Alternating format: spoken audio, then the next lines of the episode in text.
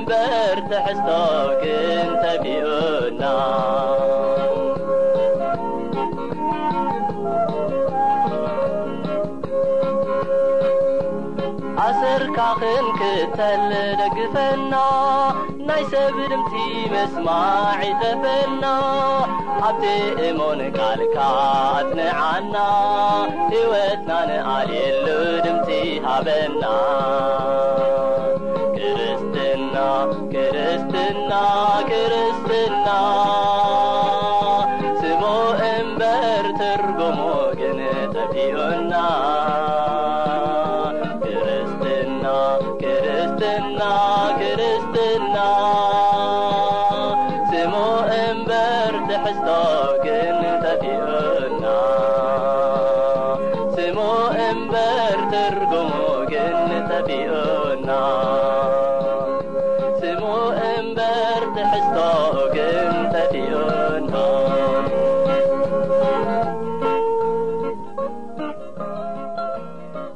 ንምሉእ ትሕዝትኡ ናብ መዳለይኡን መቕረብኡን ከሰጋግረኩም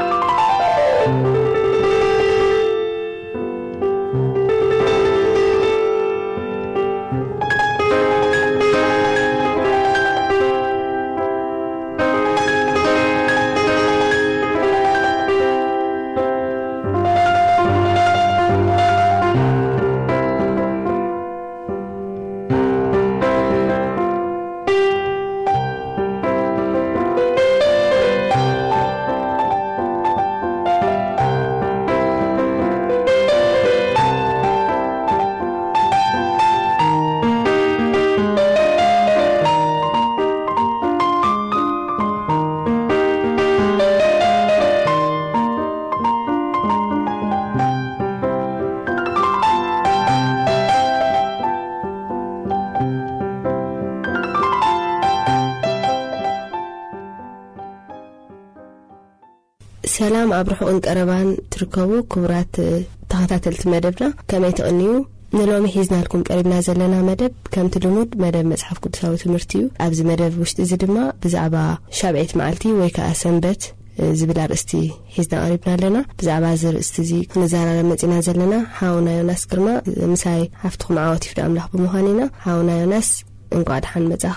ሰንበት ክንብል ከለና ብሓፈሻ እንታይ ማለትና እዩ? ብኻልእ ኣዘራርባ ድማ ኣብ ተን ዓሰርተ ትእዛዛት መበል ራብዐይቲ ተጻሒፋ ዘላ ትእዛዝ ንመዓልቲ ሰንበት ክትቅድሳ ዘክር ትብል ትእዛዝ እያ እሞ ብዛዕባ እዛ ትእዛዝ እዚኣ ኣስፍሕ ኣቢልካ ከተረድኣና ምፈተኹ። ከምኡውን ኣብ ሓድሽ ኪዳን ነዛ ትእዛዝ እዚኣ ኽንክተላ ዘገድደና ነገር እንታይ እዩ? ኣብቲ ዝሓለፈ መደብና ብዛዕባ ሕጊ ኣምላኽ ንዘራረብ ኔርና። ኣብኡ እውን ሓደ ዝበጻሕናሉ ነገር እንታይ እዩ? ሕጊ ኣምላኽ ብሕልፊ ኸኣ እቲ ናይ ሞራል ሕጊ ዝኾነ እተን ዓሰርተ ትእዛዛት ዘላለማዊ ምዃነን ክንርኢ ጸኒሕና ኢና። ብሕልፊ ኸኣ እቶም ኣርባዕተ ናይ መጀመርታ ኣርባዕተ ዝኾኑ ሕግታት ምስ ኣምላኽ ዘለና ርክብ ዝገልጹ እዮም። እቶም ሽዱሽተ ከኣ ዘለዉ ምስ ወድ ሰብ ወይ ከኣ ምስ ብጾትና ዘለና ርክብ ዝገልጹ ሕግታት እዮም። ስለዚ ከም ዘለኣለማዊ ሕጊ መጠን እታ ራብዐይቲ ሕጊ ሕጂ እውን ከም ዘላ ንርኢ። ምኽንያቱ ከኣ እቲ ጽላሎት ዝኾነ ነገር ኩሉ ደድሕሪ እቲ ኣካል ምምጻእ የልግስ እዩ ምክንያቱ እቲ ዋና ስለ ዘሎ ማለት እዩ ሰንበት ንሕልፊ ከኣ ክንርኢ ከለና ሰንበት ዝተዋሃበ ቅድሚ ሓጢኣት ናብዚ ዓለም ምእታውን ልክዕ ከኣ ናይቲ ፍጥረት መወዳእታ ምስ ተገበረ ኣምላኽ ነዚ ፍጥረት እዚ ልደቱ ክኸውን ምስ ኣዳም እውን ከዕርፍ ከሎ ኢና ንርኢ ስለዚ እንታይ ኢሉ ኣሎ በታ ሸውዓይቲ መዓልቲ ዓረፈ ይብለና ንዓ ከኣ ቀዲስዋ ከምኡ እውን ባሪኽዋ ይብል። እዚ ትእዛዝ እዚ ዝተዋህበ ኣብ መጀመርታ እዩ ማለት እዩ፣ ንኣዳም ምስ ኣዳም ኮይኑ ኣብ ገነት ኣብ ዝነበረሉ ግዜ። ደድሕሪኡ ኸኣ፣ ደድሕሪ ሓጢኣት ናብዛ ዓለም ምእታዉን ወዲ ሰብ ብሓጢኣት ምጥፍኡን ሞት ናብ ወዲ ሰብ ናብ ወዲ ሰብ ከኣ ምምጽኡ በጻዕብዕቱ ገይሩ ነዚ ሕጊ እዚ ጽሒፉ ንሙሴ ሂብዎ። ሙሴ ንህዝቢ እስራኤል ንኽህቦም። ስለዚ ኣብዛ በዓል ዝጸሓፋ ጽሕፈት እዚኣ ኣብታ ራብዐይቲ እንታይ ይብል? ዘጸኣት ምዕራፍ ዕስራ። እግዚኣብሄር ብሽዱሽተ መዓልቲ ሰማይን ምድርን ባሕርን ኣባታቶም ዘሎ ዅሉን ገይሩ እዩ እሞ፣ ብሳብዐይቲ መዓልቲ ኸኣ ዓረፈ። ስለዚ እግዚኣብሄር ንመዓልቲ ሰንበት ባረኻን ቀደሳን። ስለዚ ሰንበት ዝተዋህበ እግዚኣብሄር ፈጣሪነቱ ንኸፍለጥ ኩሉ ስርሑ ምስ ወደኣ ዓረፈ ይብል ካብኡ ኸኣ ቀደሳ ባረኻ ውን ኣብቲ ሕጊ ኸኣ ነዚኣ መዓልቲ እዚኣ ሰብ ንኽርኢ ወይ ከኣ ንኽገብር ነዚኣ መዓልቲ ንኽዝክር መሊሱ ኸኣ ክእዝዞ ከሎ ኢና ንርኢ እሞ ሰንበት ብሓድሽ ኪዳን ካብቶም ዝተወገዱ ሕግታት ሓደ ከም ዘይኮነ ካልኦት ብዙሓት ሰንበታት ነይሮም እዮም ናይቲ ኣካል ዝኾነ ናይ ጎይታና የሱስ ክርስቶስ መድሕና ዝኾነ ጽላሎት ዝነበሩ ሰንበታት ነይሮም እዮም ከም በዓል ቅጫ ወይ ከዓ ናይ ጴንጤቆስጤ መዓልቲ ዝነበረ እሳቶም ሰንበት በዓል ሓምሳ ዝነበረ ሰንበታት እዮም ነይሮም ንሳቶም ምስቲ ሕጊ ሜዳዊ ሕጊ ምጥፋእ ዝተረፉ ክኾኑ ከለዉ፣ እዚ ናይ ሞራል ዝኾነ ዓሰርተ ትእዛዝ ግን ከም ዘይጠፍእ እዩ መጽሓፍ ቅዱስ ዝነግረና እሞ ካብዞም ሓደ ዝኾነ እቲ ራብዓይ ትእዛዝ ከኣ ሕጂ እውን ኣብ ሓድሽ ኪዳን ንገብሮ ከም ዝኾነ ንርኢ። ጎይታና የሱስ ክርስቶስ ባዕሉ ንሰንበት ይሕሉ እዩ ነይሩ። ኣብ ሉቃስ ኣብ ሉቃስ ምዕራፍ ኣርባዕተ ፍቕዲ ዓሰርተ ሽዱሽተ ከይንክነነብብ ከለና ናብ ቤተ መቕደስ ወይ ከኣ ናብ ምኵራብ ምኻድ ልምዱ ኸም ዝነበረ፣ ከምቲ ዝለመዶ ብሰንበት ናብ ምኵራብ ይኸይድ ከም ዝነበረ ይነግረና። ስለዚ እዚ ትእዛዝ እዚ ሕጂ እውን ኣብ ግዜ ሓድሽ ኪዳን ከም ዘሎ ዘመላኽተና ኢዩ ማለት ኢዩ። ነዚኣ ሓሳብ እዚኣ ኽንምለሰላ እንዲና። ሕጂ ግን ብዛዕባ ሰንበት ባዕሉ ኣብ ብሉይ ኪዳን ኴንና ክንርኢ ኸለና ቅድሚ ምውሃቡ ቅድሚ ሕጊ ኮይኑ ተጻሒፉ ምምጽኡ ሰንበት ከም ሕጊ መጠን ከም ዝነበረ ዝሕብሩና ብዙሕ ጥቕስታት ኣለዉ ኣብ መጽሓፍ ቅዱስና እሞ ካብዞም ሓደ ኣብ ዘጸኣት ምዕራፍ ዓሰርተ ሓሙሽተ ንሪኦ ናይ መና ንእስራኤል እግዚኣብሄር መና ክህቦም ከሎ እቲ መና ዝወርድ ዝነበረ ካብ ቀዳማይ ክሳዕ ሻድሻይ መዓልቲ ጥራይ እዩ ኣብታ ሻውዓይቲ መዓልቲ ግን መና ዋላ መና ካብ ሰማይ ኣይወርድን እዩ ነይሩ እዚ ኸኣ እግዚኣብሄር ባዕሉ ንሰንበት ዝባረኸን ዝቐደሰን፣ ክዛዕ ሽዑ ኸኣ ደድሕሪ ዋላ ሓጢኣት ናብዚ ዓለም ምእታው ሕጂውን ዝባረኾ መዓልቲ ከም ዝነበረ ይሕብረና። እዚ ጥራይ ኣይኮነን፣ ጐይታና የሱስ ክርስቶስ ንሰንበት ኣብ መቓብር ኰይኑ እዩ ኣሕሊፍዋ። ሽዑ ሽዑ ንሽዑን ምስ ሞተ ክትንስእ ምኸኣለ ነይሩ፣ ግን ክመውት ከሎ ኣብታ መዳለዊት መዓልቲ ስለ ዝሞተ።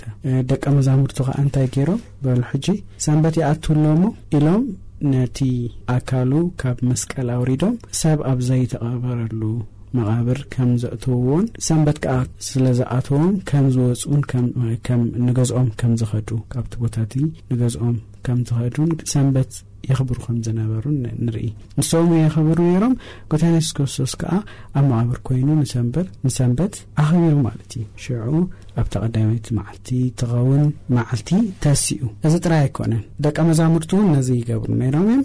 ሓዋርያት ድማ ሃዋርያት ድማ ደድሕሪ ምእራግ ጎይታና የሱስ ክርስቶስ ንሰንበት የኽብሩ ከም ዝነበሩ ዝሕብሩና ብዙሕ ጥቕስታት ኣለዉ። ኣብ ግብረ ሃዋርያት ምዕራፍ ዓሰርተ ሰለስተ ፍቕዲ ዓሰርተ ኣርባዕተ ክንርኢ ከለና ከምኡውን ምዕራፍ ዓሰርተ ሸውዓተ ካብ ፍቕዲ ሓደን ክልተን ክነንብብ ከለና ሕጂ እውን ግብሪ ሃዋርያት ምዕራፍ ዓሰርተ ሸሞንተ ፍቕዲ ኣርባዕተ ክነንብብ ከለና ኩሉ ሻዕ ብሰንበት መዓልቲ ናብ ምኹራብ ወይ ከዓ ቤተ መቕደስ ይኸዱ ከም ዝነበሩ ሃዋርያት ነንብብ። ስለዚ ምኽባር ሰንበት ኣብ ሓድሽ ኪዳን ዝተገደፈ ነገር ከም ዘይኮነ መጽሓፍ ቅዱስ ግና ብዙሕ ሓበሬታ ይህበና እዩ ማለት እዩ።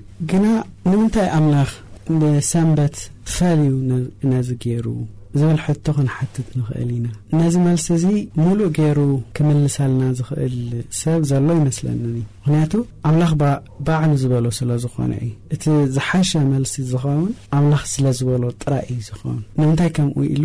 ኣነ ዋላ ሓደ ሰብ እውን ከምዚ እዩ ኢሉ መረዳእታ ክህበና ዝኽእል ዘጽግበና ዓይነት መረዳእታ ክህበና ዝኽእል የለን። እንተኾነ ግን ኣምላኽ ንምንታይ ከም ዝሃበና ግን ነጊሩና ኣሎ። እቲ ሓደ ፈጣሪነቱ ክነግረና ከሎ እዩ።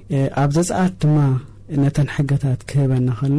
ካብ ግብጺ ዘውጽኣካ፣ ሓራ ዝገበረካ፣ ኣምላኽ መን ምዃኑ ንኽትፈልጥ እዩ ሕጊ ተዋሂቡካ። ስለዚ ብሕልፊ ከኣ ሰንበት ክንሓስባ ከለና ፈጣሪነቱ፣ ኣብቲ ሕጊ ፈጣሪ ምዃኑ ዘርዚሩ ዝነግርን መን ከም ዝኾነ፣ እንታይ ከም ዝገበረ፣ እንታይ ከኣ ድልየት ከም ዘለዎ ዝነገረላ ትእዛዝ፣ እታ ራብዐይቲ ትእዛዝ እያ። መን እዩ እሱ?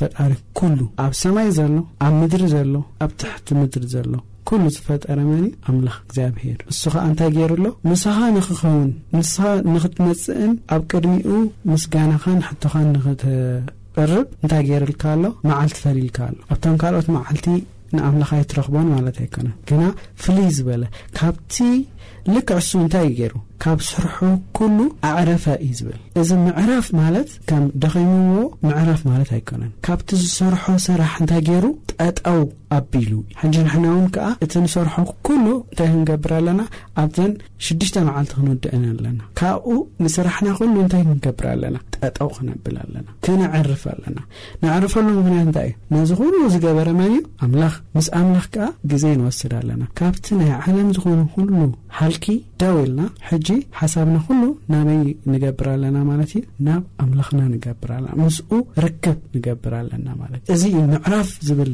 ትርጉም ዝህበና ማለት እዩ።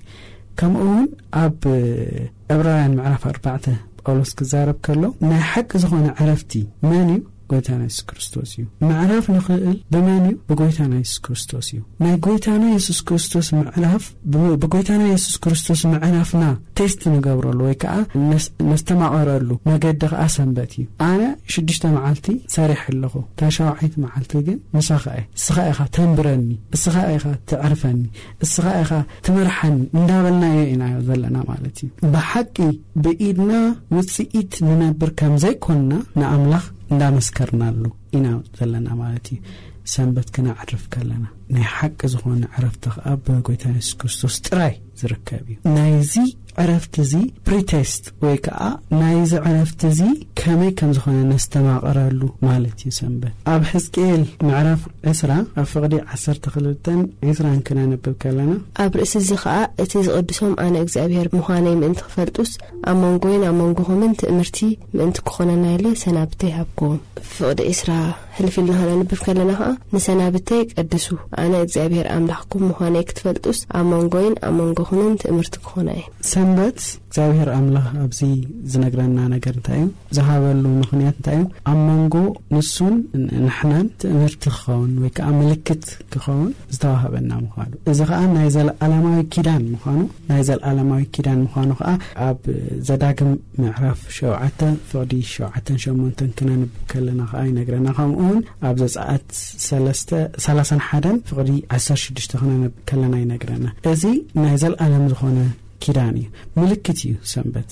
ድሕር ኢልና ክንርእዮ ኢና ኣብ ዮሃንስ ራእይ እቲ ገበል ናቱ ዝኾነ ምልክት ኣለዎ። እግዚኣብሔር ኣምላኽ ከኣ ናቱ ዝኾነ ምልክት ኣለዎ። ስለዚ ኣብዚኣ ዝነግረና ነገር እንታይ እዩ? እቲ ዝቕድሰና እቲ ዝፈልየና ካብ ዓለም ኩሉ ናቱ ገይሩ ዝሓርየና እግዚኣብሄር ንሱ ዝቕድሰና ምዃኑ ንኽንፈልጥ፣ ነዚ ኸኣ ምልክት ወይ ከኣ ትእምርቲ ንኽኸውን ዝሃበና ንመን እዩ? ንሰንበት እዩ ማለት እዩ። ንሰንበቱ ንኽንዝክረን፣ ንሱ ከም ዝዓረፈ ንሕና እውን ንኽንዓርፍ እዩ። ስለዚ ሰንበት ናይ ዘለኣለማዊ ኪዳን ምዃኑ ንርኢ። እዚ ጥራይ ኣይኮነን። ኣብ ኢሳይያስ ምዕራፍ ሱሳን ሽዱሽተን ፍቕዲ ዕስራን ክልተን ዕስራን ሰለስተን ከነንብብ ከለና ዝነግረና ነገር ኣሎ።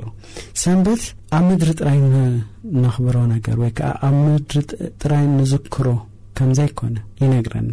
ከምቲ ኣነ ዝገብሮ፣ ሓድሽ ሰማይን ሓድሽ ምድርን ኣብ ቅድመይ ዝነብር፣ ከምኡ ዘርእኹምን ስምኩምን ክነብር እዩ ይብል እግዚኣብሄር። ክኸውን ድማ እዩ። ካብ ሰርቂ ወርሒ ክሳብ ሰርቂ ወርሒ፣ ካብ ሰንበት ክሳዕ ሰንበት፣ ስጋ ዝለበሰ ዅሉ ኣብ ቅድመይ ክሰግድ ክመጽእ እዩ ይብል እግዚኣብሄር። ያኣብታ ሓድሽ የሩሳሌም። ካብ ሰንበት ናብ ሰንበት እንታይ ኺገብር እዩ ይብል? ህዝቢ ኣምላኽ ኣብ ቅድሚኡ መጺኡ ኪሰግድ እዩ። ስለዚ፣ ኣብ ሰማይ እውን ሰንበት ከም ዘሎ፣ እዚ ሰንበት ከኣ ኩላህና በብሰሙኑ ኣብ ሰንበት እንዳ መጻና ሰንበት ክንብል ከለና ሓደ መረዳእታ ክንወስድ ዘለና እታ ሻውዓይቲ መዓልቲ ማለት እዩ። ሰንበት ቀዳም እዩ፣ ምኽንያቱ እታ ሻውዓይቲ መዓልቲ፣ ቀዳም ስለ ዝኾነት።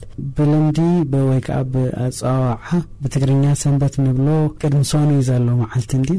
ግን እዚ ሰንበት ዝብል ቃል እግዚኣብሄር ከኣ ዝቐደሶ እታ ሻውዓይቲ መዓልቲ እያ። እሳ ከኣ ቀዳም፣ ቀዳም ሰንበት ማለት እዩ። ስለዚ ኣብታ ብቐዳም መዓልቲ፣ ኩላህና ንስራሕና ኩሉ ደው ኣቢልና ልክዕ እሱ ደው ከም ዘበለ ክንዓርፍን ክንሓስብን ከም ዘለና እዩ ዝነግረና። እዚ ኸኣ ዋላ ኣብታ ሓዳሽ ኢየሩሳሌም ነኽብሮ ከም ዝኾነ ንርኢ። እዚ ጥራይ ኣይኮነን ምዃን ጎይታና የሱስ ክርስቶስ ብዛዕባ ስደት ክዛረብ ከሎ እንታይ ኢሉ ነይሩ ኣብ ማቴዎስ ምዕራፍ ዕስራን ኣርባዕተን ፍቕዲ ዕስራ ስደትኩምሲ ብኽረምትን ብሰንበትን ንኸይከውን ጸልዩ ይብለና። ንምንታይ እዩ ነዚ ኢሉ? ብሰንበት ብኽረምቲ ንጀምር እሞ ብኽረምቲ ስደት እንተ ጀሚርና ኣብቲ እዋንቲ ከምዚ ሕጂ ንሕና ዘለና ቢንቶታት የለዉን ንውሕጅ ከኣ ይመልእ እዩ ክረምቲ ስለ ዝኾነ ስለዚ ዋላ ክንጠፍእ ወይ ከኣ ካብ ሰብ ክነምልጥ እንተ ኾይንናስ እቲ ማይ እንታይ ይገብረና ኣሎ ደው የብለና ስለዚ እቲ ጸላኢና ዝኾነ እቲ ዝሃድመና ንሕና ንሃድሞ ዘለና ይመጽእ ይረኽበና ማለት እዩ ኣብ ሩባ ተኸቲርና ከለና ሰንበት ውን ከምኡ እዩ ብሰንበት ኣይንንቀሳቀስን ኢና ዝተዋሃበና ነገር ኣሎ እዚ ጥራይ ኣይኮነ ኢንፋክት ፕሮፌቲክ ዝኾነ ወይ ከዓ ትንቢታዊ ዝኾነ ነገር እዩ እዚ መከራ ብሰንበት ከም ዝመጽእ ጎይታና የሱስ ክርስቶስ እንዳነገረና እዩ እቲ መከራና ብሰንበት ክመጽእ ምዃኑ ይሕብረና ኣሎ ማለት እዩ ነዚ ንኸይከውን ግን እንታይ ክንገብር ኣለና? ክንጽሊ ከም ዘለና። ምኽንያቱ ከቢድ ነገር ከም ዘሎ፣ ልክዕ እዚ ዝሃድነና ኣብ ክረምቲ ክንሃድሞ ከም ዘይንኽእል፣ ብሰንበት ዝመጽእ ነገር እውን ኣዝዩ ኣገዳሲ ከም ዝኸውን እንዳ ነገረና እዩ ዘሎ ማለት እዩ። እዚ ብዛዕባ ሰንበት ካብ በልና ግን ትርጉሙ እንታይ እዩ እቲ ናይ ሰንበት ትርጉም እንታይ እዩ ዝብል ድማ ክንርኢ ይግብኣና ኢለ ይሓስብ። ንሰንበት ክንርኢ ከለና ብመጀመርታ ደረጃ ናይ ፍጥረት መዘከርታ ከም ዝኾነ ክንርኢ ጸኒሕና ኣለና። ምኽንያቱ ኣምላኽ እቲ ዝፈጠሮ ነገር ኩሉ ዝፈጠሮ ንሱ ምዃኑ ንዝክረሉ ብሰንበት። ካልኣይ ድማ ሰንበት ናይ ደሕንነትና ምልክት እዩ። ነዚ ሕጊ እዚ ክህብ ከሎ እግዚኣብሄር ንህዝቢ እስራኤል እንታይ ኢሉ ካብ ኢድ ፈርኦን ካብ ግብጺ ዘውጻእኹኻ መን ኣነ ኣነ ምዃነይ ንኽትፈልጥ ነዚ ግበር እንዳበለ ክህቦ ከሎ ኢና ንርኢሞ ስለዚ ናጽነትና ናይ ምርካብና ምልክት ከኣ ሰንበት ከም ዝኾነ ንርኢ ኣብ ዘዳግም ምዕራፍ ሓሙሽተ ፍቕዲ ዓሰርተ ሓሙሽተ ክንርኢ ከለና እቲ ሳልሳይ ትርጉም ሰንበት እንታይ እዩ እግዚኣብሄር ከም ዝቕድሰና ዝቕድሰና መን ከም ዝኾነ ዝነግረና ምልክት ወይ ከኣ ናይ ሰንበት ትርጉም ንሱ እዩ እሱ ዝቕድሰና ምዃኑ እቲ ራብዓይ ከምዚ ዓንተወይ ክብሎ ዝጸናሕኩ ኣብ ራእይ ምዕራፍ ዓሰርተ ኣርባዕተ ፍቕዲ ዓሰርተ ክልተ ኴንና ኽንርኢ ኸለና፣ ነቲ ገበል ዚሰግዱ። እቶም ንትእዛዛት ኣምላኽን ንእምነት የሱስን ዚሕልዉ ቕዱሳት ከኣ ትዕግስቶም ኣብዚ እዩ በለ። እታ ራብዐይቲ ናይ ሰንበት ትርጕም ድማ ብዛዕባ እምነትና፣ ብእግዚኣብሄር ዘለና እምነት ንገልጸላ ምዃና እዩ። ኣብ ዮሃንስ ራእይ ከምቲ ቅድም ኢለ ዝገለጽኩዎ ምዕራፍ ዓሰርተ ኣርባዕተ ፍቕዲ ዓሰርተ ክልተ እታ ተረፍ ህዝቢ ዝዀነት ቤተ ክርስትያን፣ ትፍለየሉ ነገር እንታይ እዩ? ንትእዛዝ ኣምላኽ ዝሕልዉን ሃይማኖት ጎይታና የሱስ ክርስቶስ ዘለዎም ሰባት እንድዮም። እዚኣቶም ሰባት እዚኣቶም ንምልክ ናይ ትገበል ምልክት ዝኾነ ንዑ ከኣ ዘይሰግዱ ምዃኖም ካብቶም ካልኦት ዝፍለዩ ምዃኖም ዝነግረና እዩ። ካብዚ ሓደ ድማ ምፍላዮም ንፈልጦም ብትእዛዝ ኣምላኽ ምኽታሎም ወይ ከኣ ምሕላዎም እንድዩ። እዚ ናታቶም እሙናት ምዃኖም ዝረኣየሉ ሕጊ ኮይኑ ኢና ንረኽቦ። እታ ሓምሸይቲ ትርጉም ሰንበት ድማ ሕብረት ምስ ኣምላኽን ወድ ሰብን ንፈጥረላ ወይ ከኣ ናይ ሕብረትና ምልክት ኮይና ኢና ንረኽባ። እግዚኣብሔር ኣምላኽ ንኣዳም ምስ ፈጠሮ ንኹሎም ብጾት ኔሮሞም እዮም ንኹሎም እንስሳታት ኣዳም ግን ንበይኑ እዩ ኔሩ ሽዑኡ ንሄዋን ፈጢርሉ ንበይኑ ንኸይከውን ኣብ ሰንበት ከኣ ሓቢሩ ምስ ኣምላኽ ንክኸውን ናብታ ናይ ዕረፍቲ መዓልቲ ኣእትይዎ ማለት እዩ ስለዚ ንሕናውን ብሰንበት ምስ ብጾትናን ምስ ኣምላኽናን ንራኸበሉ ሕብረት ንገብረሉ ብሓባር ንኾነሉ ግዜ እዩ ማለት እዩ ስለዚ ሰንበት ናይ ሕብረትና ወይ ከኣ ሓድነትና ምልክት እዩ ማለት እዩ እቲ ካልኣይ ሰንበት ዝነግረና ነገር ሰንበት ጽድቂ ብእምነት ጥራይ ምዃኑ ዝነግረና ወይ ከኣ ናይ ጽድቂ ብእምነት ምልክት ኮይኑ ከም ዘሎ ንርኢ።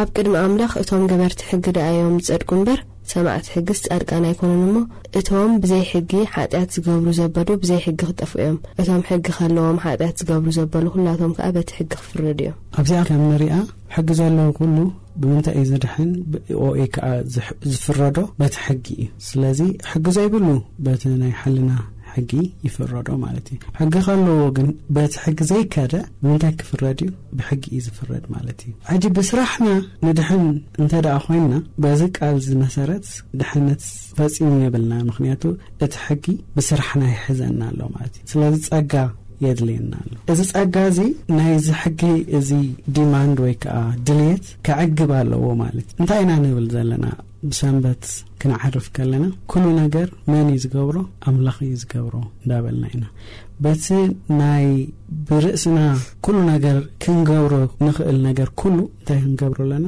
ደው ክንብሎ ኣለና ማለት እዩ እቲ ንድሕኖ ናብ ዕረፍቲ ንኣትወሉ ብኡ ጥራይ ከም ዝኾነ ካብ ናይ ሕድሕድ ሓልክና ካብ ሕድሕድ ሃልክና ዓሪፍና ዕረፍቲ ብመን ክንገብር ኣለና ብጎይታና የሱስ ክርስቶስ ክንገብር ኣለና ስለዚ ናይ ጽድቂ ብእምነት ምልክት እውን እዩ ማለት እዩ ሰንበት እሱ ፈጣሪና እዩ እሱ ከዓ ሓራ ዘውፅኣና ሓራ ምውፃእ ጥራይ ከይኮነ ከዓ ዘዕርፈና ንሱ ምዃኑ እንዳገለፅና ኣለና ማለት እዩ ብኡ ቢልና ከዓ ዕረፍትና ኩሉ ጎይታና የሱስ ክርስቶስ ምዃኑ ንዓለም ኩሉ ንምስክር ኣለና ማለት እዩ። ኣብ መወዳእታ ሰንበት መዓስ እዩ? ከመይ ጌርናስ ክንሕልዎ ይግብኣና ወይ ከኣ ክንዝክራ ዘለና መዓልቲ ኣየነይቲ እያ? ኣብ ትብል ክውድእ፣ ሰንበት ካብ ዓርቢ ጸሓይ ካብ ትዓርበሉ ግዜ ኣትሒዙ ቀዳም ጸሓይ ክሳዕ ትዓርበሉ ግዜ ናይ ሰንበት ግዜ እዩ። ቅድሚኡ ዘሎ መዓልቲ ናይ መዳለዊ መዓልቲ እዩ። ንሰንበትና ዝኸውን ነገር ኩሉ ኣዳሊና ንሕና ውን ተዳሊና ናብታ ዕረፍት ንኣትወሉ መዓልቲ እዩ። ነዚ ከኣ ኣብ ዘፍጥረት ሓደ ሓሙሽተ እንታይ ካበይ ናበይ ምዃኑ ንፈልጥ ኢና ከምኡ ውን ድማ ኣብ ማርቆስ ሓደ ሰላሳን ክልተን ድማ ነዚ ይነግረና ማለት እዩ። ስለዚ ሰንበት ካብ ዓርቢ ጸሓይ ትዓርበሉ ግዜ ኣትሒዙ ክሳዕ ቀዳም ጸሓይ ትዓርበሉ ግዜ ከም ዝዀነ ንርኢ። ብዘየገድስ ኣብ ኣበየናይ ክፍሊ ዓለም እንርከብ እዚ ሓደ ከም ዝዀነ ንርኢ፣ ምኽንያቱ መዓልትን ምሸትን ዝፍለይ ብጸሓይ ምብራቕን ምዕራብን ስለ ዝዀነ ማለት እዩ። ሓደ መዓልቲ ንብሎ ካብ ምዕራብ ጸሓይ ክሳዕ ምዕራብ ጸሓይ እቲ ዝቕጽል ዘሎ መዓልቲ ስለ ዝዀነ። ስለዚ እግዚኣብሄር ንዝኣዘዞ ትእዛዝ፣ እሱውን እታ ራብዐይቲ ትእዛዝ ንሰንበት ንኽንዝክር። እቲ ዘክር ዝተባህለሉ ምኽንያት እንታይ እዩ? እስራኤል ነዚ ሕጊ እዚ ጠፊእዎ እዩ ነይሩ ኣብ ግዝኣት ስለ ዝነበረ። ሕጂ ሓራ ምስ ወጸ ድማ ዘክር ይብሃል። ንምንታይ? እቲ ሓራ ዘውጽኦ እሱ ስለ ዝኾነን እቲ ዝፈጠሮ ኸኣ። እሱ ስለ ዝኾነ ስለዚ ነዚ መዓልቲ እዚ ንኽንዝክር እግዝኣብሄር መንፈሱ ይሃበና። መሓሪ ሓውና ዮናስ ብዝሃብካና መብርሂ እግዚኣብሄር ይባርኽካ። መዓልቲ ሰንበት ከምተን ልክዕ ከምተን ካልኦት ትሽዓተ ትእዛዛት ከምኡ ንሳ ውን ክት ከነሕልዋ ይግብኣና እዩ ማለት እዩ እሞ ነዚ ንኽንሕሉ እግዚኣብሄር ብጸግኡ ይደግፈና። ክቡራት ሰማዕቲ ንሎሚ ሒዝናዮ ዝነበርና መደብ ኣብዚ ንዛዝም ኣለና። ንዝህልወኩም ርእይቶ ወይ ውን ሕቶ ናብ ዓለምለኸ ሬድዮ ኣድቨንቲስት ቁጽሪ ሳጹን ጶስጣ ሚእትን ኣርባዓን ሓሙሽተን ኣዲስ ኣበባ ኢትዮጵያ ሞባይል ዜሮ ትሽዓተ ዓሰርተ ዓሰርተ ኣርባዕተ ሓምሳን ሓደን ዜሮ ሓሙሽተ ቴሌፎን ዜሮ ዓሰርተ ሓደ ሓሙሽተ ሓምሳን ሓደን ዓሰርተ ሓደ ቴስዓን ትሽዓተን ወይ ውን ብኢመይል TIG ዳት ሶንግ ኣት ጂመይል ዳት ኮም ብምባል ክትልእኹልና ትኽእሉ ጸጋን ምሕረትን ኣምላኽ ምስ ኩላትና ይኹን ብሩኽ ቅነ